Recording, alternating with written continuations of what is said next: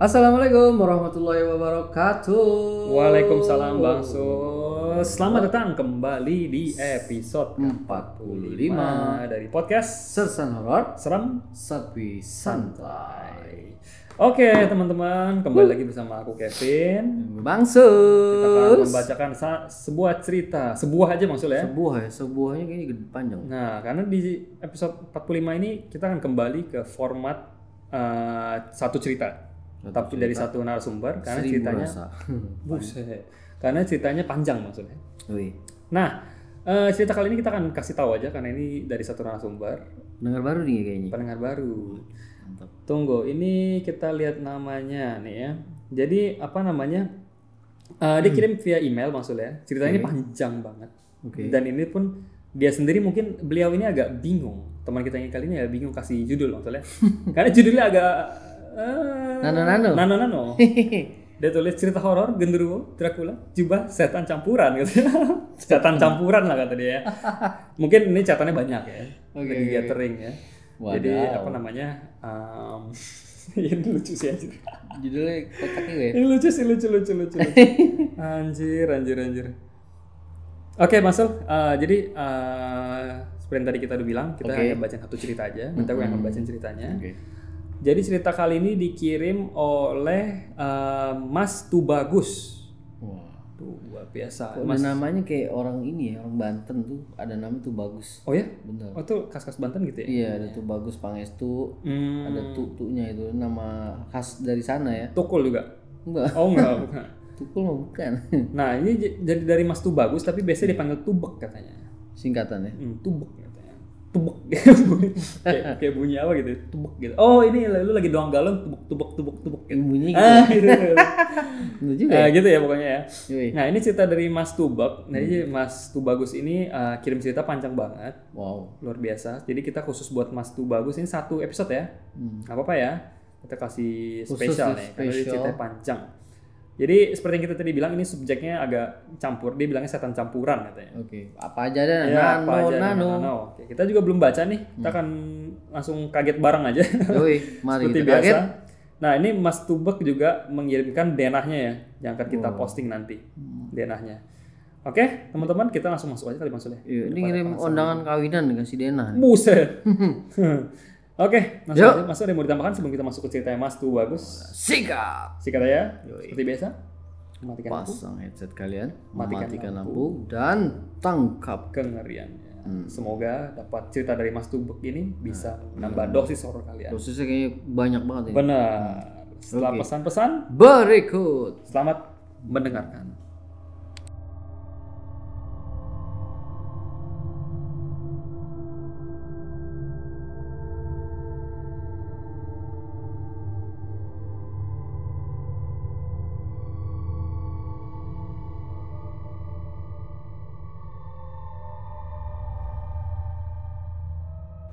Balik lagi guys. Kembali lagi teman-teman. Kita sudah siap membacakan eh udah udah. Kita sudah siap membacakan cerita dari Mas Tubagus alias Mas Tubek. Kita akan panggil Mas Tubek aja ya. Yo, disingkat Untuk aja ya. Selanjutnya. Oke. Siap. Eh dia tulis gini, Mas Tubagus ya. Ini saking panjangnya dia sampai kirim filenya dari Word maksudnya. Waduh, Tapi bagus rapi, rapi. Cakep nih ya. Cakep. Ketik-ketik nih. Oke, eh, cerita dari Mas Tubagus ya. Dia tulis gini. Jadi sebelumnya ada ada intro sedikit ya maksudnya. ya. Wah, ini apa nih? Apa nih? Ini intro nih? bikin kita senyum-senyum sedikit juga nih. so sweet banget ya. Senyum-senyum aja. Nah itu dia. Katanya gini, Assalamualaikum. Waalaikumsalam. Salam. Bagus. Wabarakatuh. Salam sejahtera untuk Bang Sul, Kevin, dan seluruh pendengar setia Sersan Horor. Terima Dia kasih. menyapa yang lain. Betul. Apa kabar ini katanya? Semoga selalu sehat ya semuanya. Dan khususnya buat Bang Sul dan Kevin semakin semangat bawain Sersan Horor. Biar makin top, makin serem, makin lucu katanya. Iya, iya. Salam sem- kenal salam kenal semuanya. Kenalin Hmm. nama gue tuh bagus, tapi biasa dipanggil Tubek. Oke, mantap. Instagramnya ada di Tubek Tubek biasa T U B E G G G G G nya tiga kali nanti kita akan tulis di deskripsi maksudnya. Yoi, kenalan ya ntar ya. Nah kenal Mas Tugas Tubek nih ya. Nah bisa dibilang gue pendengar setia sesan horor nih. Pertama kali dengerin podcast ini bulan November, terus jadi ketagihan sampai maraton dengerin yang episode awal-awal season 1 Oh, dia sambil lari-lari dengerinnya. Marah iya maraton ya. Aku capek aja. Tapi hebat ya bisa konser sambil lari. Lu tau gak maraton main game maraton 17 yang oper lele? Nah itu kayak gitu. Sambil ngoper lele. Oh maksudnya Oper belut. Nah itu. estafet, Estafet. ngejar episode Nah, gitu. gitu. Oke oke oke. Bukan Sorry ya. Itu lari-lari. Imajinasi gue suka ini Suka liar liar. liar. Oke oke. Terus terus. Sampai akhirnya gue selalu sekarang selalu nggak sabar nungguin update dari podcast ini. Waduh. Kalian memang mantra, mantap terasa. Wah, Luar biasa. Keren keren keren. Katanya gini, yang bikin gue suka banget sama podcast horror ini karena unik sih. Hmm. Selalu ada sisipan punchline punchline jokes yang absurd terutama dari Bang Sol. Doi emang suwe banget sih katanya. Ampun bang, maksud gue lu asli lucu, tapi lu asli lucu tapi demen sama yang serem-serem katanya. Respect lah pokoknya. Yo eh. Sedikit cerita di luar konten nih, gue juga punya teman senior di kantor, dia orang Betawi juga. Wah. Orangnya mirip-mirip Bang Sul juga tuh katanya. Kalau ngomong suka belepotan. Ceplas-ceplos tapi lucu, bikin ngakak katanya. Respect juga sama Kevin, bisa ngimbangin jokesnya Bang Sul yang absurd. Pokoknya lu kalau ketemu orang Betawi rata-rata kayak gitu. Rata-rata gitu ya? Hampir semua tuh ya. iyalah. 101 persen kayak gitu tuh. Buset. Nyablak. Seru tapi. Hmm, mulutnya tajam. Hmm, kayak ini nih. Setajam singlet. Singlet. Kaos dong. Oke oke. Mood tajam tapi nyeblak tapi apa seru ya. Yo, Nah. Oke, katanya pokoknya obrolan seram dan lucu kalian enak banget didengerin. Podcast ini emang gokil sih. Bagian serem rasa bagian serem rasa ikut merinding. Terus akhirnya ketawa juga katanya.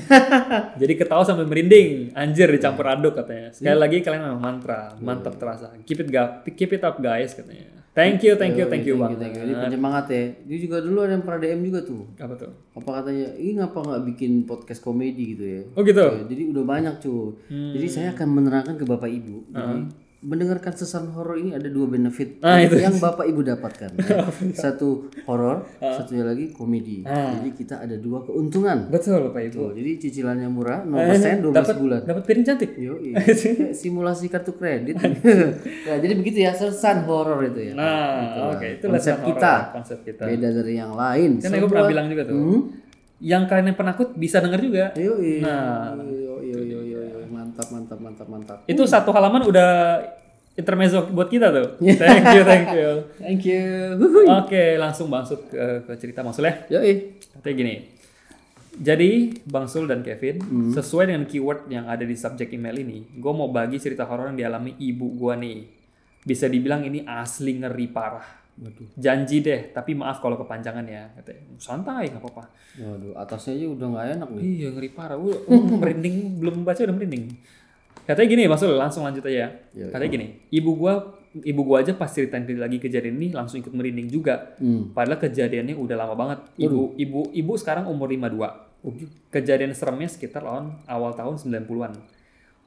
Umur awal 20-an katanya. Pokoknya baru lulus kuliah, terus baru dapat pekerjaan. Pokoknya masih gadis deh. Ibu masih cakep banget. Mantesan bapak gue naksir. Iya. Buset. Mantap. Ya, Bu. benar, benar. Mungkin eh, gua kenal kali itu ibunya. Ini buset. Tahun berapa maksudnya? 52 cuy. Siapa? Oh, ibu, bodoh. 52 gua belum. Ibunya 52. Ini lebih lebih tua dari mamaku nih ya. Oh, Kejadian seremnya sekitar awal tahun 90 katanya. yo. Oke langsung lanjut aja. Yuk. Kejadian di Semarang nih katanya. By the way, gue lahir dan tumbuh di Semarang. Oke. Katanya bukan orang Banten. Hah? Ya iyalah, kan bukan orang Semarang, kan temunya Semarang. Tapi namanya tuh bagus. Lah, oh iya bener ya maksudnya bilang ya. Kan gue bilang Banten. Oh iya Mungkin bener-bener. ada campuran kali itu bagus ya. Oh gitu. Katanya by the way gue lahir dan tumbuh di Semarang katanya, tapi gue bukan orang Banten. Sampai akhirnya gue harus kerja di Jakarta. Jadi ketularan deh ngomongnya pakai lo gue katanya. gitu. Maklum cuy, katanya. Wih, udah udah empat tahun dia juga di Jakarta. Oke balik lagi ke, ke cerita. Intermezzo yang nggak penting-penting sih. Intermezzo yang nggak penting-penting juga sih. Ampun deh katanya. Sedikit cerita tentang ibu gua nih katanya. Jadi ceritain dulu, dulu asal usul ibunya ya.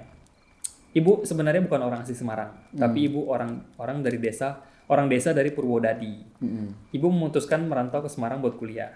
Kebetulan ibu ada saudara jauh yang tinggal di Semarang juga. Namanya Bude Sri nah kalian udah mulai nih kalau misalnya nama-nama gini kalian inget-inget tuh siapa tahu ntar eh, apa jadi cerita jadi enak ya maksudnya kalau kita inget nih Bude Sri itu siapa gitu kan Nah, oke. jadi ada ibunya eh, siapa namanya tadi Mas Tubek ini kan Tubek merantau ke Semarang. Nah, merantau Semarang untuk kuliah. Nah, kebetulan di Semarang itu ada saudara ibunya juga namanya Bude Sri. Maaf namanya bukan nama asli ya katanya. Samaran ya. Nah, singkat cerita ibu disarankan keluar- keluarga di Purwodadi untuk silaturahmi ke keluarga Bude Sri, soalnya jarang ketemu juga. Nama samarannya bahasa Inggris ya. Nah, One two three. oh one two three anjir, benar juga. Salah. ya. Terus Pas silaturahmi, alhamdulillah ternyata rezeki. Ibu malah ditawarin pekerjaan juga di Semarang. wah cakep. Wow, tanpa pikir panjang ibu terima tawaran itu. Soalnya lumayan buat nambah pengalaman kerja. Hmm. Karena masih fresh graduate juga waktu itu dan udah percaya karena masih saudara juga. Oke. Berhubung saudara sendiri, ibu sekalian dicarikan info kos-kosan untuk tinggal selama bekerja di Semarang. Kebetulan ditawari kos-kosan yang lokasinya dekat dengan ibu rumah ibu Bude Sri. Hmm. Pokoknya masih komplek perumahan alias tetangganya dan otomatis Bu Desi kenal juga orangnya. Tanpa pikir panjang lagi, Hmm. ibu mau dong lokasi yang dekat saudara jadi ngerasa lebih aman. Katanya. Jadi yang punya kosannya si ini juga si Bude ini Kenal, kenal. kenal. Karena satu lingkungan ya. Hmm. Hmm, cakep. Sedikit cerita tentang perumahan Bude Sri. Hmm. Jadi sekarang cerita tentang perumahannya. Perumahan si Bude Sri. Rumah sini rata-rata yang punya orang tajir Semarang zaman dulu. Orang tajir Semarang zaman dulu. Mantap. Kenapa? Lokasinya cuma 5 menit dari Simpang 5 cuy. Strategis deket banget. Iya, Simpang 5 sih gue pernah ke situ. Pernah ya? Itu enak banget cuy. Lu makan sampai pindah tiga lapak cuy. Iya. Lu makan Angkringan. ah pindah tiga itu kan mm, apa banyak ya sekeliling-sekeliling itu ya. Oh, apa makan waktu itu makan apa ya? Es es campur, es teler, es teler, eh, sop iga, Hmm. nasi goreng nasi goreng ati ampla, Hmm. sama ini cuy burung dara. Hmm. Tuh empat tuh empat tuh. Anjir itu enak banget cuy parah. Lu sekali seumur. Oh, anjir. Habis itu pulangnya beli ini, beli donat. Gila Lapar itu. doyan? Gila itu enak banget cuy simpang 5 cuy. Mantep ya. Itu orangnya ramah-ramah lagi. Emang masih murah sih makan di Semarang tuh. Iya. juga sih. Enak anjir gila itu. Aduh, aduh lapar ngepet ah. Oke lanjut. Enggak ke Lawang Sewu. Ngojur. Hitungin pintunya bener nggak seribu? Oh iya, enggak lah gila. Oke, katanya gini, lokasi aja cuma 5 menit dari Simpang 5 cuy. Katanya Hmm. strategis banget. Zaman dulu kalau beneran kagak punya duit, mana mungkin kebeli rumah di daerah sekitar Simpang 5. Hmm. Apalagi harganya sekarang gue iseng cek di OLX, buset dah makin gak masuk akal dan dom, masuk nggak masuk akal dan dompet katanya. Berapa berapa? Wah nggak dia nggak sebut Oh, sih. ya. Lanjut katanya. Gue bantu dikit untuk bayangin visual komplek perumahannya ya. Mm-mm. Tapi ini zaman itu ya. Oke. Luas tanahnya gede-gede. Sekarang aja 2019 posisi yang posisinya pinggir jalan raya itu udah banyak berubah jadi penginapan low budget gitu. Oh. Sama ada kantor notaris sama kafe-kafe. Kayak motel-motel kecil gitu ya. Nah, bias mungkin jadi ruko-ruko juga kali ya. Hmm. Nah, biasanya kalau rumah mewah zaman now kan atapnya tinggi-tinggi banyak tingkat gitu. Nah, Hmm. kalau ini plafon bangunnya nggak terlalu tinggi. Ala-ala vintage gitu deh. Wah. Dan yang pasti kalau perumahan mahal kayak gini semuanya berpagar. Nggak ada interaksi sama tetangga dan suasananya selalu sepi. Anjir. Kagak pagi, kagak siang, kagak sore, kagak malam, selalu sepi. Oke. Kata ibu, waktu itu perumahannya masih ada beberapa tanah kosong. Sunyinya tuh makin kerasa. Sekarang aja masih sepi cuy katanya. Pagi zaman dulu kan. 90-an ini ya. Nah, terus lokasinya lokasinya tuh kesannya cukup dalam. Eh lokasi kosannya sorry. Hmm. Terus lokasi kosan si ibunya Mas Tubek ini zaman itu tuh cukup jauh, dalam ke komplek. Agak masuk ke dalam lagi gitu ya. Nah, lumayan di ujung belakang area perumahan. Kalau Bu Desi, rum- lokasi rumahnya masih di tengah-tengah area Hmm. perumahan. Kebetulan akses portal keluar masuk kendaraan cuma satu di depan. Oh, oke. oke. Jadi nggak ada pintu belakang nggak ada ya. Satu doang aksesnya ya. Jadi ibu kalau mau pergi kerja naik angkot, kudu dulu jalan lumayan jauh tuh ke depan. Hmm. Sebenarnya ada juga portal samping dekat kosnya, bisa aja sih dilewatin kalau jalan kaki. Tapi sayangnya nggak ada angkot yang lewat Hmm. jalan situ. Oke. Lumayan apes juga nih ibu gua katanya. Mau ku- keluar, kudu jalan lumayan jauh dan sepi juga katanya. Kasihan lagi, kasihan lagi pas pulangnya ker- kerja itu malam maksud kasihan tuh ibunya tuh sekitar jam 9-an dari portal portal depan sampai kos tuh kalau jalan nggak bisa santai. Karena hawanya hawanya parno cuy. Oh iya. sepi gelap juga katanya. Aduh. penerangan ada katanya Hmm. cuma redup. Nah kalau jalan zaman dulu gimana sih ya? Anehnya lagi di kos ini tuh pada itu kan harganya tergolong murah maksudnya Hmm. waktu zaman ibunya itu. Maksudnya eh, kosan ibunya ini tergolong murah walaupun lokasinya itu strategis. Hmm. strategis tapi murah gitu. Ibu gue ini kan udah lumayan lama di Semarang. Jadi tau lah dikit-dikit kisaran harga kos waktu itu. Gitu. Nah kenapa ini bisa murah? Itu bakal kejawab di akhir cerita nih. Hmm. gitu. Nah sekarang sedikit cerita sedikit tentang kos-kosan ditempati. Luar biasa ini struktur banget ya Cakep ya. jadi tadi pertama tentang ibunya Oke. kedua tentang perumahannya Hmm. sekarang makin menyempit ke tempat ke tentang kosannya Waduh, alurnya cakep nih. Hmm. Nah, spoiler dulu nih katanya. Hmm. Akhirnya ibu cuma ngekos di situ tiga bulan, gara-gara di- diganggu cuma satu kali, tapi caranya jahat banget, nggak pakai hati nurani, setannya parah. Anjir. Setan mana? Oh shit, kamu nggak nggak siap nih ceritanya nih bangke.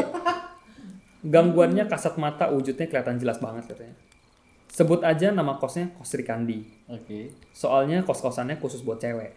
Hmm. Karena lokasinya di perumahan, kosan ini aslinya rumah biasa, tapi akhirnya dialihfungsikan sebagai kos-kosan oleh pemiliknya. Total kamarnya cuma ada empat, dan kam satu kamar mandi bersama. Bangunannya dua lantai, tapi lantai duanya cuma di bagian belakang rumah. Dan fungsinya cuma loteng untuk jemur pakaian dan naruh barang bekas yang nggak dipakai. Oke. Lantai duanya tuh. Nah, kos-kos ini nggak ada pembantunya. Hmm. Pemilik kos nggak sewa orang buat ngerawat rumah, nggak ada yang bantu bersih-bersih. Nah, jadi kalau misal ada yang genteng bocor, lampu rusak, dan Self-service lain-lain, ibu yang teman-teman yang kos itu langsung lapor ke pemilik rumah. Hmm. Namanya Bu Eko. Hmm. Ini bukan nama asli ya. Jadi pemilik rumah ini namanya Bu Eko ya. Oke. Nah, pas kejadian itu, empat kamar lagi, empat kamar kan lagi keisi semua. Oh full. Nah, dua orang udah kerja, yaitu ibu gua dan temennya. Hmm. Lupa nama temennya siapa karena nggak begitu akrab katanya. Dan dua orang lainnya masih kuliah, namanya Mbak Dea. Mbak Dea. bukan nama asli ya. Dan satunya lagi lupa namanya karena nggak begitu akrab. Jadi yang dia cuma tahu salah satu teman kosnya itu Mbak Dea yang masih kuliah. Oke. Oke. Dari empat orang itu, ibu paling kenal akrab dengan Mbak Dea doang. Dulu awal-awal ngekos sempet kosan keisi cuma dua orang, ibu dan Mbak Mei. Ada lagi tuh Mbak Mei. Pas masih dua orang doang, sekitar satu bulan ngekos, malah nggak pernah ngerasa ada gangguan apa pun. Giliran kos penuh malah diganggu. Kan, kan gokil katanya. nunggu kuota dulu kan? Nah, nunggu ada apa namanya itu biasanya tuh Ada Ah, ada- ada- aktivitas dulu gitu ya. Hmm, Baru itu. baru diganggu dia nggak mau rugi ganggunya tuh, mau hasilkan banyak. Nah, empat, empat orang ya. nah katanya part ini juga bakal kejawab di akhir cerita, di akhir, akhir cerita kenapa pas penuh baru diganggu. Bikin penasaran ini. Aduh, tegang nih enak nih. Ah. Oke, Bang Sul dan Bro dan Kevin, tolong sambil dilihat di dena kosan yang gue kirim ya katanya. Oke, maaf denanya kurang lebih begitu aja. Nggak bisa spesifik luas proporsinya. Oke. Sekarang saatnya jelasin kronologi kejadian seremnya. Pas gue nulis part ini, gue mulai merinding. Anjir seriusan katanya. Dia yang nulis ngomong begitu. Iya. Bentar, bentar, ini kan aku pakai handphone nih. Hmm. Kita coba split dulu ya screennya. Ya, mau lihat itu ya Dina ya. Iya. Ini cara splitnya lupa. Eh, padahal teman umum ini. Buset. Nih, nih, nih. Ah, nih, nih, nih, nih, nih. Coba split dulu bentar ya. Ini kita sekalian lihat denanya nih Bang Sul. Split sama satu lagi. Tunggu bentar ya teman-teman ya. Tenang, tenang, sabar, sabar. Kita sambil lihat denanya. Oke. Sip. Oke, kebaca kok ini segini. Bisa ya? Bisa, bisa. Bisa enggak? Anjir, iyalah mata udah ini sih. Katarak. Oke, Yuk. Jadi hotspotnya nih Bang Sul, area gangguan paling parah maksudnya. Itu ada di sekitar area loteng jemuran Wow. dan ruangan belakang yang ada tangga menuju loteng jemuran. Coba kita lihat nih. Ah ini ini hotspotnya nih, Ya. tangga loteng jemuran nih bentuknya L gini kan. Oke. Nah ini loteng jemuran nih, tangga loteng jemuran, jemuran dan Hmm. gudang perkakas. Oke, nanti kita share juga ya teman-teman. Jadi Oh, iya teman-teman mohon eh, supaya lebih afdol ceritanya Hmm. dari si eh, Mas Tubek ini yang luar biasa sudah kirimin kita susah-susah sampai digambar nih. Ini kalian Niat ya. eh, lihat dulu di Instagram kita pasti posting, Ya. baru kalian denger nih. Ya. Nah, atau kalian kalau misalkan udah denger ini langsung buru-buru buka Instagram nih, Ya. kalian langsung lihat. Biar lebih jelas ya. Ah, kalian langsung lihat nih. Gambaran nih. Oke lanjut ya maksudnya. Jadi ruangan belakang itu yang ada tangganya itu bentuknya semi outdoor. Dindingnya nggak nutup sampai atas bagian sini dimaksud. Hmm. Nah nggak nggak sampai atas, cuma bagian atap lantai duanya. Atapnya bukan genteng yang ada plafonnya, tapi cuma kanopi. Paham paham. Oke. Karena peruntukannya emang buat jemur, jadi biar lebih angin deh masuknya, Iya, setengah doang biar cepet kering. Cahaya masuk, angin masuk. Kalau hu- kalau hujan, angin pun ruangan di situ cukup basah nyiprat sana sini katanya. Udah pasti. Kalau hujannya anginnya kenceng gitu ya. Oke. Karena semi outdoor dan sering basah, lantai ruangan ini nggak dikasih ubin. Oh, di Nah, licin kan, bahaya. betul, betul. Katanya semen halus yang dikasih tekstur pakai sapu lidi biar ngegrip, Iya. nggak gampang kepleset. Emang sih di ruangan itu katanya hawanya cukup lembab. Kata ibu, hawanya cukup lembab. Waktu itu sih pikirnya wajar-wajar aja karena tempat jemuran kan emang sering basah. Tapi ternyata lembabnya itu nggak wajar. cuy. Lembabnya lain ya. Iya. Artinya lain nih. Katanya gini, gimana teman-teman udah kebayang belum? Semoga cukup jelas ya. Lanjut. Katanya. Jadi nah ini sekali lagi nih buka eh, denahnya maksudnya. Ya. Gangguan pertama. Ibarat lagu nih, kagak ada intro langsung ref katanya. Asli si dan ibu langsung diganggu caranya serem banget. Sosok yang nampak ini juga serem banget dan rare dan jarang sosoknya. Nah kan Oh my gosh. pendengar kita tuh luar biasa karena sosoknya tuh apa unik. Kita lihat uniknya gimana. Yo yo. yo. Katanya combo cuy katanya. Padahal sebelumnya nggak pernah diganggu sama sekali. Hmm. Seperti biasa, kejadiannya berlangsung saat maghrib nih. Rush hour-nya mereka. Oh. Hmm, sebelumnya gue ceritain dikit letak kamar ibu. Kamar kamarnya punya satu pintu dan satu jendela. Pintu mengarah langsung ke ruang tamu, tengah yang posisinya di dalam. Sedangkan jendela posisinya di samping mengarah langsung ke ruangan belakang yang semi outdoor. Oke. Coba kita lihat kamar ibu mana. Oh ini, sebret, jebret. Oh jendelanya ke ruangan belakang. Wah lu, Arahnya malah ibunya Mas Tubek dapetnya yang kamar suwe juga nih. view-nya gak enak banget. Ini view-nya enak banget ini. Oh, pas paham paham paham paham. Oh, oh iya oke oke. Cakep ya. Teman-teman kalau lihat Denai pasti paham ya. Seru seru seru. Seru, seru. Nah, sampai sampai sampai mana tadi? Ah, jadi kelihatan banget tuh tangga yang menuju loteng jemuran di lantai dua dan sedikit tempat jemurannya juga. Oke. Kalau nengok ke jendela tuh kelihatan ya maksudnya. Waktu itu ibu pulang dari kerja agak sorean, menjelang maghrib. Biasanya jam 3 atau 4 sudah pulang. Oke. Kebetulan juga pas sendirian di kos. Waduh. Mbak Mei yang satu kosan sama dia itu, ini pas zaman kosannya masih ini kali maksudnya. Masih masih berdua doang sama Mbak Ya Mei. masih dikit orangnya. Nah, Mbak Mei itu udah berangkat shift sore. Terus dua temen yang kuliah belum balik. Oh, udah udah rame, udah rame. Udah, cuman Ah, timingnya lagi pada ini. di Nah, luar. iya iya iya. Mbak Mei itu udah berangkat shift sore. Oke. Dua teman yang kuliah masih kuliah itu belum balik. Hmm. Pas sampai di kosan, ibu nggak langsung ke kamarnya, tapi ke kamar mandi dulu buat cuci kaki bersih-bersih lah pokoknya. Hmm. Pas selesai bersih-bersih, posisi masih di ruang tamu, tengah, lagi OTW mau masuk kamarnya. Kamar Mana mandi kamar? di mana kamar mandi? Oh mungkin, oh nggak ada kamar mandinya di sini. Oh, mungkin di kelurahan kali. Oh ini ini ini. Ada kamar mandi di beda nih, lantai nih, nih. nih, ka- kamar mandi nih. Beda lantai nggak sih? Ini, ini- oh, oh iya. Ini oh ini lantai dua. Ini lantai satu sama lantai Oh, dua. dia harus turun berarti. Nah ini, nah, ini lantai satu semua nih yang ini. Ya. Nah, oh ini kamar mandi. Nah, ibunya berarti lagi si ibunya Mas uh, Tubek ini lagi keluar, tek, tek, habis cuci kaki, lewatin ruang tamu. Nah, belum nyampe kamar nih, masih OTW nih. Hmm. Tiba-tiba, belum belum tiba-tiba belum. Belum ya. Nah, ibu nggak langsung ke kamarnya tapi ke kamar mandi dulu kan tadi kan.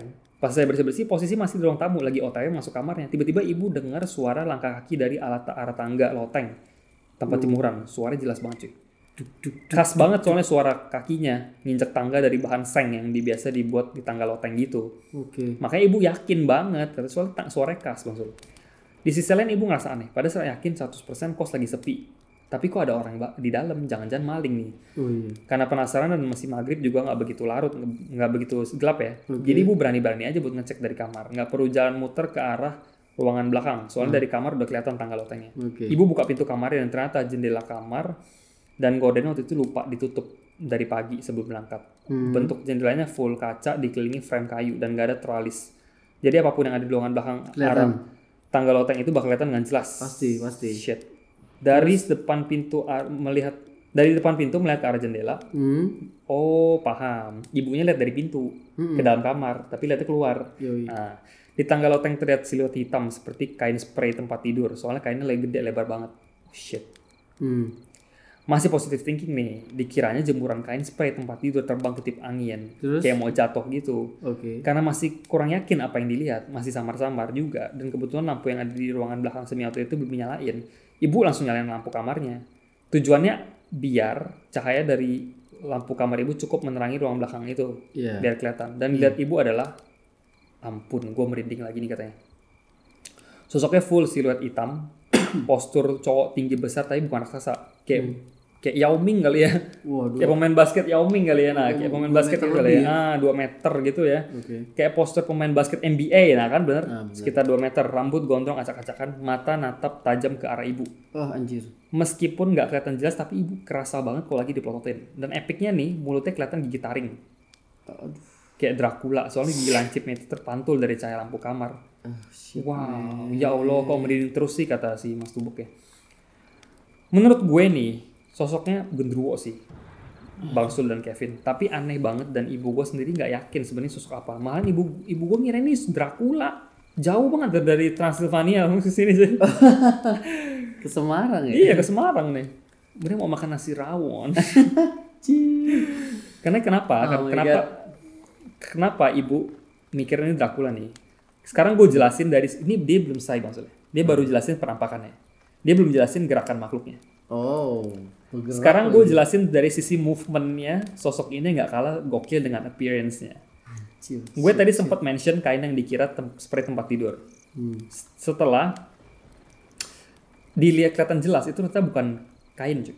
ternyata kain itu bukan spray tempat tidur atau je- di jemuran yang lagi ketip angin bukan bukan spray cuy Bukan, bukan, bukan. tapi itu ada jubah yang dipakai sosok itu Oh my god. Tuh. Keren, keren. tapi kok bang gendruwo nggak pakai jubah Genderuwo dari zaman apa juga gak pernah pakai jubah. Dia cuma berbulu-berbulu gendut. nah bongsor gitu ya tapi nggak ada Iya, jubah betul. jubahnya tuh melambai-lambai seolah sedang tertutup angin satria batang hitam Weh, itu ya. bukan itu. Aduh. pantat mundur Eh. itu ya nah jub itu jubah yang dipakai tuh bukan aksesoris cuy tapi buat terbang Oke. jadi kata ibu gua itu sosoknya tuh lagi levitasi tahu nggak maksud lagi melayang sosoknya. Mirip Superman. Tapi ini setan anjir katanya. Jadi nggak ada kerennya sama sekali. Oh shit. pas lihat penampakannya posisi kepala ibu agak dongak ke atas. Nggak tahu dia itu sosok mau terbang atau mendarat bodo amat lah. Udah serem banget katanya. Jadi terbang cuy posisinya cuy. Eh nggak dikasih tahu ini ya kostumnya gimana gitu? Jas atau apa? Jubah sih. Mungkin jubahnya tuh bayanginnya sih mungkin kalau oh dalamnya ya maksudnya ya? dalam setelan Wah, dalamnya kurang mungkin tahu bisa jas kurang tahu nih. Kalau judulnya Dracula wah keren juga. Wah Dracula ke Semarang coy. Iya ya. Ih iya gue bisa bayangin sih anjir. 2 meter berjubah rambut eh. Eh, lanjut masuk. Aduh, aduh. katanya gini aneh kan katanya gitu kan. Aneh kan katanya. Sebelumnya ibu dengar suara langkah kaki di tangga lonteng. Nah nggak tahu tuh nggak tahu tuh sosoknya sama atau beda lagi. Karena kan yang kalau terbang mana mungkin kotak-kotak tangga-tangga kan? Nggak nginjek ya. Nah atau mungkin dia lagi jalan di tangga lonteng buat ancang-ancang sebelum terbang tahu lagi deh. Nggak paham lah katanya kalau di nalar logika mah nggak ngerti katanya. Ancang-ancang. Dan gimana respon ibu gue pas lihat sosok itu? Spontan ibu ambil Al-Quran yang ada di meja kamar tepat di depan dia berdiri. Terus? Sambil jongkok ketakutan. Ibu langsung buka dan baca ayat al suci Al-Quran. Nggak tahu deh itu halaman berapa surah apa yang dibaca. Pokoknya langsung ngaji saat itu juga. Oke. Terus ditambah baca-baca istighfar dan ayat menstruasi. Hmm. Saking paniknya. Alhamdulillah waktu itu ibu lagi nggak menstruasi jadi bisa pegang Al-Quran dan ngaji. Iya betul. Suara ngaji sengaja dibuat kenceng biar ngusir mata fokus lihat ke bawah baca Al-Quran. Sama sekali nggak berani lihat ke arah jendela. Sekitar 1 sampai 2 menit yakin nggak nggak yakin nggak yakin ibu perlahan lihat ke arah jendela lagi dan alhamdulillah sosoknya itu udah hilang. Tapi merindingnya nggak hilang hilang cuy. Anjir gue merinding juga ini. Sosoknya serem sih aneh rare cuy. Benar kata si Mas Tubak ini rare jarang banget tapi ini ya maksudnya nggak panik ya tetap berdoa iya ya, benar ngaji biasa orang tuh udah lari cuy ini ini berarti imannya kuat cuy dan dia langsung yakin kalau dia baca ayat suci itu itu bisa ngusir betul dan dikencengin nah harus Setelah itu ibu yang posisinya udah lemes banget langsung buru-buru nutup jendela dan gorden. Kunci kamar nunggu teman-temannya pada balik sambil terus baca-baca doa biar nggak ada gangguan susulan. Wow. Dan alhamdulillah emang nggak ada gangguan lagi sampai temannya pada pulang. oh shit Malam itu yang pulang duluan adalah Mbak Dea. Oke Ibu langsung curhat semua yang dialami barusan. Respon Mbak Dea ternyata langsung percaya.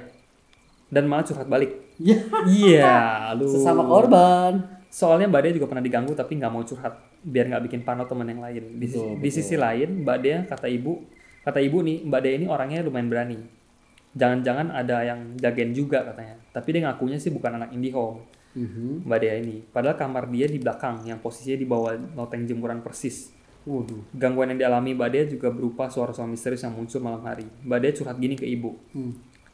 Jadi ini cerita Mbak Dea kali ini ya. oh ini lah yang Ah. ibunya mbak Hmm. Dea nih Suara misterius pertama, sekitar jam 11 atau 12 malam, posisi Mbak Dea ini lagi dalam kamar. Hmm. Tiba-tiba dia nggak dengar suara kaki yang diseret. Shit. anjir Dari ruangan tamu ke ruang belakang yang semi outdoor itu. Suaranya jelas banget dan terdengar mondar mandir. Awalnya nggak kepikiran hal aneh sama sekali. Dia pikir anak kosan yang lain. Tapi kok mondar mandir? Dan mondar mandir itu lama cuy. 10 sampai 15 menit. Oke. Nah ini udah kerasa aneh. Ngapain juga mondar mandir selama itu dan udah, udah malam juga cuy. dan kaki diseret pula Hmm, karena penasaran akhirnya Mbak dia coba cek. Pas pintu kamar dibuka, suaranya langsung hilang. Mhm. Lihat ke arah ruangan belakang nggak ada siapa-siapa. Lihat ke arah ruang tamu tengah juga nggak ada siapa-siapa. Lihat kamar teman-temannya yakin udah pada tidur semua. Mhm. Soalnya semua lampu kamar temen udah bermati. Mbak Dea langsung ngeh kalau diganggu. Nah, habis itu terus akhirnya langsung balik kamar paksain tidur padahal belum ngantuk dan masih tugas, masih nunggas. Kampretnya pas lagi fokus maksain tidur suara langkah kaki itu dimuncul lagi. oh keluar lagi kayak main-main gitu ya Nah, Mbak Dea ketakutan dan cuma bisa baca-baca doang berharap nggak apa-apa deh kamu mondar mandir tapi jangan ganggu ya. oke Alhamdulillah nggak ada gangguan dan akhirnya bisa tidur. hmm. Gitu. Gara-gara takut kelamaan kelamaan jadi capek kan. Dari ketiduran Nah, habis itu suara misterius kedua. Lokasinya di kamar Mbak Dea. Kali ini waktu sekitar Bada Isya dan posisi eh, Mbak Dea itu lagi di kamar maksudnya. Pada Isa ya itu kalau bahasa Isya. Inggrisnya itu jam 7 AM. Oh 7 a.m. Habis maghrib. Oh, habis maghrib luar biasa. Oke, terus Pas lagi rebahan di tempat tidur, tiba-tiba gagang pintunya bersuara seperti ada yang orang dari luar itu maksa pengen masuk. Mhm. Waktu itu pintu kamar dikunci soalnya Mbak Dea tak tahu kalau di kosan cuma ada ada dia buat alasan keamanan. Oh lagi sendiri cuy. Mbak Dea langsung kaget dan takut. Suara suaranya nggak nyantai banget pokoknya. Katanya durasi sekitar 5 menit. Oh fuck. Shit lama banget cuy. Dia ngeh kalau lagi diganggu. Seperti biasa dalam kamar cuma bisa pasar dan baca doa. Pas suara hilang, Mbak langsung cabut dari kos dan nginep di kos temannya mumpung belum larut banget. Waduh, nggak tahan takut ya. Akhirnya masuk ke bagian penutup juga nih Masul. Oke. Jadi beberapa hari setelah kejadian dialami ibunya, lihat itu si Dracula itu. Ibu lagi nyari nyapu di teras rumah. Mhm. Dan kebetulan tetangga sebelah kos persis lagi jalan lewat depan kos. Mhm. Ceritanya, ceritanya abis dari suatu tempat lalu mau baik rumah. Tetangganya itu tuh yang lewat tuh. Saling nyap, akhirnya mereka berdua saling nyapa. Ibunya si Mas Tubek sama tetangganya itu nyari nyapa. Terus ngobrol bentar. Iya. Karena udah pernah digangguin parah banget, ibu sedikit menyinggung masalah keanehan di rumah ini. Eh malah diceritain panjang lebar cuy. Waduh, malah dapet informasi. Enggak, eh, Curhat nih. ibunya ini tuh apa namanya aku sih dapetnya ibunya ini tadinya mau cuma bahas dikit eh taunya kepanjangan gitu. Iya, iya. iya. nah setelah dua bulan ngekos sayangnya ibu gua baru pertama kalinya ketemu tetangga sebelah persis ini. Lupa namanya siapa. Jadi du- eh, udah dua bulan kos tapi baru ketemu tuh. Mungkin dan terlanjur semua kejadian aneh udah dialami. Oke. tapi kalau dikasih tahu dari awal bakal parno juga sih. Serba salah emang katanya menurut gua. Menurut ibunya salah serba salah juga katanya. Hmm. Ini ini semua misteri akan terbuka nih maksud Wah, keren nih. hasil percakapannya kurang lebih begini. Hmm. long story short maksudnya usut punya usut rumah ibu kos milik rumah kos milik ibu Eko itu memang ada yang nggak beres. Sebelum dijadikan kos rumahnya langsung disewakan atau dikontrakan. Pas sistem sewa atau kontrak nggak pernah ada yang betah sampai habis masa sewa jadi sering banget kosong. Isi udah isi lagi kosong lagi. Kosong isi lagi. kosong lagi. Tapi emang lebih sering kosong. Karena itu ibu kos ngubah sistemnya jadi kosan per kamar biar lebih murah Oh, gitu. Oke. Awalnya juga masih sering kosong sampai akhirnya harga kosnya dibikin miring banget yang penting rumah ada yang ngisi. Menurut gosip nggak tahu benar atau hoax, tetangga intinya tetangga sebelah kos juga nggak tahu persis kalau rumah ini dulu pernah ada yang bunuh diri.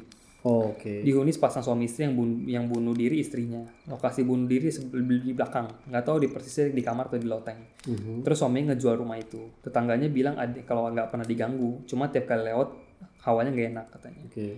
Ibu bener-bener nggak habis pikir, percaya nggak percaya lokasi bunuh diri di area di area belakang. Selama ini hotspotnya memang sekitar daerah situ katanya. Mhm. Semua gangguan itu di situ sumbernya. Kok ada benernya ngomongnya tetangga itu kan?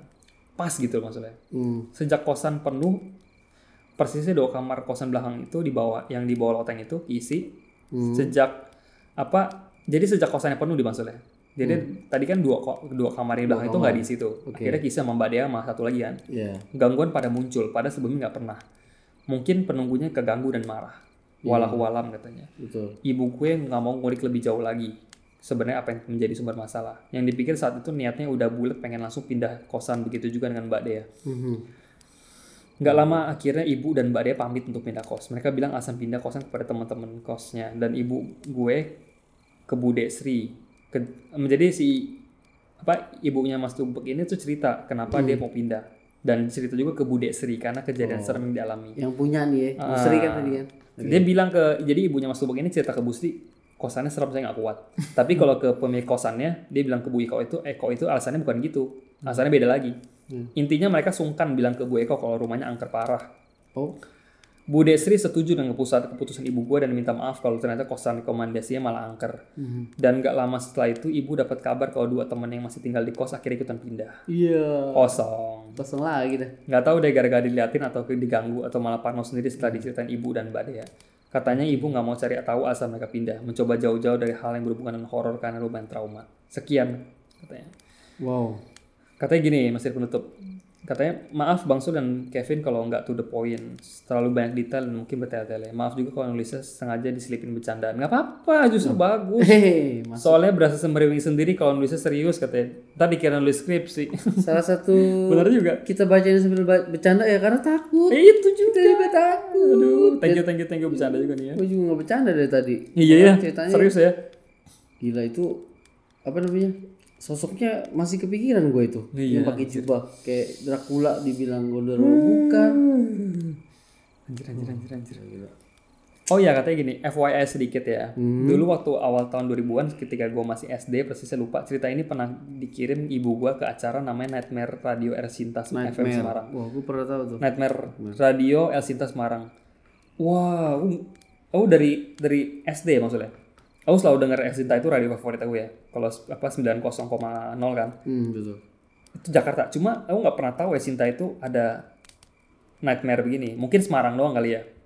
Bisa jadi. Karena tuh dulu tuh SMP SD SMP tuh dari Dengerin sore sampai malam sampai balik ke subuh lagi tuh El Sinta terus dan nggak pernah ketemu acara setan-setan gitu enggak mungkin khusus Semarang doang ya Betul, betul, betul. katanya bahkan kalau nggak salah acaranya sampai sekarang masih ada tiap sampai malam Jumat Wah, oh boleh tuh kita streaming aja kali ya El Sinta Semarang ya boleh, boleh. katanya waktu itu termasuk cerita yang favorit atau gimana oh cerita ibunya masuk cerita favorit dan dapat hadiah souvenir kaos wih mantap. Luar biasa. Menurut gue cerita ibu gue ini emang gokil sih, parah. Gimana menurut Bang Sul dan Kevin dan para pendengar sesan horor? Gila. Serem cuy, karena Eh, jujur ya? dari gue ya, kalau Ah, gue dari Bang Sul coba. eh tadi siapa nanya nih? Ah, Mas Tubek. Tubek, gue jujur aja. Cerita lo bikin gue nggak bercanda aja. Iya, gue dari tadi Iya kan? dengerin Diam banget sampai kan, langsung. detail sampai gue masih kepikiran bentuknya emang itu Dracula Hmm. apa-apa gitu pakai jubah ya kan jalan ngambang gitu. Itu Kalau menurut aku sih- nyerem, nyerem, Seremnya tuh bukan sosoknya, tapi lebih serem anehnya itu loh. Iya sih. Karena gue pernah denger sosok yang begitu. Jadi di, Weird, o- di otak lu tuh agak lebih uh, kompleks ya. Jadi lu mikirnya gila loh. Makhluk begituan tuh bisa bentuk apa aja loh. Iya sih. ya kan itu sih itu gokilnya tuh di situ sih gila sih Tapi agak nggak nyambung dari historikalnya ya, karena kan yang apa apa yang cerita sebelumnya kan bunuh diri kan, hmm. cewek kan, ibu kan. Hmm. Ini sosoknya tapi laki. nah dan Dracula nah itu tuh misteri ya Wait, wait, wait, wait. ke yang atau ke kanan atau ke kiri nih. hmm. nah itu mungkin ketemu nih teman-teman pendengar mungkin ada teori ya Betul betul. teori atau menurut kalian gimana tuh ceritanya mantep atau enggak tuh Waduh gila sih ini sih keren keren. Nyimak nyimak gua, nyimak. Katanya gini nggak sabar cerita ini dibawain atau tri- dan terima kasih kalau udah dibuat kontennya salam untuk Sukitep dan seluruh penunggu yang ada di tempat siaran San Horor Suki Siap. tepers, suki tepers. ada Siap, siap, siap. Sukses terus untuk Sesan Horor, Yuk. Bang Su dan Kevin dan para pendengar semua ya. Wassalamualaikum. Luar biasa kalian. Emang thank you Mas Tubak, ini luar biasa banget. Thank you banget, thank you banget, thank you Thank banget. you, thank you. Ketik cerita panjang ini gak gampang maksudnya. Suki tepers, suki tepers di luar sana. Thank you. Ini mantap dari Tubek. Benar. Kalian tuh emang luar biasa deh. Ya. Pendengar-pendengar kita luar biasa semua maksud. Kirim, kan? kirim, cerita, kan? kirim cerita niat. Oke, hampir bikin DNA coy. Semua sayang sama kita. Iya, kita juga sayang sama mereka. Tenang, tenang, tenang. Aduh gila. ya. Oke, itu dia cerita dari Mas Tubak ya. Terima kasih dan Thank you. emang ceritanya super super seru karena ceritanya ada alurnya, bikin kita berasa berpetualang dalam situ. Kayak lagi nonton film. Ke bawah ya. Benar. Begitu ditambah lagi dengan digambarin lagi DNA-nya Betul, jadi tahu. masuk lagi. Terkoncop gitu ya, masuk ya. Nah, bahasa apa ya? Nggak tahu lah itulah. Hehe. Oke, itu dia sekian dari Mas Tubek ceritanya keren banget. Aku suka Mas Tubek tahu nih, aku suka banget cerita-cerita di rumah ya, cerita horor di rumah karena kesannya lebih mengkep gitu ya, lu nggak bisa ke mana-mana. Pasrah. Horor. Ya. Cerita dari Mas Tubek ini aku kasih skor berapa ya? 1 sampai 10? Wah, udah lama nggak main skor nih. Iya, 8 sampai 8 1 sampai 10 8,5 lah. Lu lumayan kemarin. 8,5. Gua eh, 9,9. Luar biasa. Tambah 0,1 lagi lah. Eh, karena gua ini Tidak ada yang sempurna kecuali Ah, iya, itu dia. sampai gua ini dengerinnya ini banget apa namanya? Nggak bercanda ya. Nggak bercanda. Lagi ikutin alurnya. Waduh, Luar mantap. biasa. Thank you, thank you Mas Tubak. Thank Keren you ya, thank you ya. Oke, itu aja sekian Yoi. dari Mas Tubak. Wow. Kalau misalkan kalian ada cerita yang sem- apa mirip-mirip ya, Mirip-mirip. kosan di apa angker, Oke. langsung kirimnya ke kita. Kita akan bacain seperti cerita Mas Tubak tadi. Iya. Eh, Kita ini sih ya, hampir sekarang tuh udah hampir semua wilayah dapet ya. Kayak Betul. kemarin dari Papua, dari tanah dari daerah timur ya Dari dapet ya. timur, dari dari Ambon, Iya, dari uh, Riau, Sumatera ada, Sulawesi ada, Betul, dari Nusantara ya semua ya. Nusantara. Ya, kalau- mungkin kalau ada cerita yang lebih unik lagi kayak misalnya dari daerah Jawa Barat yang mas pengen banget kita ulas itu ini ya kayak apa? Cipularang gitu Hmm. Ah, ya. Cipularang. Itu juga terkenal juga kan. Mungkin kalau ada gitu, Hmm. teman-teman boleh kirim. Atau dari mana aja boleh lah ya. Kita terima ya. Yang belum itu Kalimantan, baru cerita aku doang tuh. Oh iya. Iya nggak? Kevin ya. Iya. Betul betul. Mungkin nanti kita bikin Kali- Kalimantan Horror Story. Nah itu boleh ya. tuh khusus tuh ya. Wah itu mistisnya tinggi tuh Kalimantan. Luar biasa. Bor tanah Borneo. Betul. Mantap. Oke. Hmm, betul. Tuh? Oke teman-teman, Yuk. seperti biasa kalau ada cerita horor kirim ke sersanhorror at gmail.com atau bisa ke Horror FM di Instagram kita. boleh di follow Kita bisa langsung interaksi langsung di sana, Yups. langsung follow kita. oke Nah, lalu untuk YouTube juga maksudnya, Mm-mm. boleh di subscribe teman-teman. Kita kita akan selalu memproduksi konten-konten yang berkualitas ya, Yo, yang pastinya semoga bisa entertain kalian juga. siap siap siap siap Oke, kita tersedia di Spotify, di Penyu FM, di Anchor FM, di Google Podcast, Apple Podcast, Kasut Podcast, semuanya ada. YouTube juga, Night Vision TV dan Sersan Horror. Mm-mm. Eh, apa? Dan akhir cerita, akhir kata, apa sih? akhir kata, udah mulai ngantuk nih nih. mohon maaf teman-teman ya kalau ada salah kata atau pengucapan ya atau ada ceritanya nggak sampai gitu Ah, mungkin coba Pesannya. coba Mas Tubek juga lihat nih ya kita boleh ceritanya di tepatnya nih gitu ya. betul betul betul Jadi bisa di komen ya. kalian bisa koreksi atau bisa eh, komen di Instagram ya Kolom komentar biar teman-teman langsung lihat ya. Hmm. boleh boleh kita terima apa aja ya Oke. Itu aja teman-teman ya. yuk. Hmm, itu aja teman-teman. yoi Eh, sampai ketemu di episode ke-46 46 yang pasti akan lebih serem lagi Mas Lul. Ada cerita khusus juga, satu cerita wah panjang lagi panjang lagi. tadi berapa halaman tuh Tadi tujuh halaman. Tujuh halaman gila bahkan ada yang mau ngirim juga sampai tiga rim itu ya Buset itu jocir.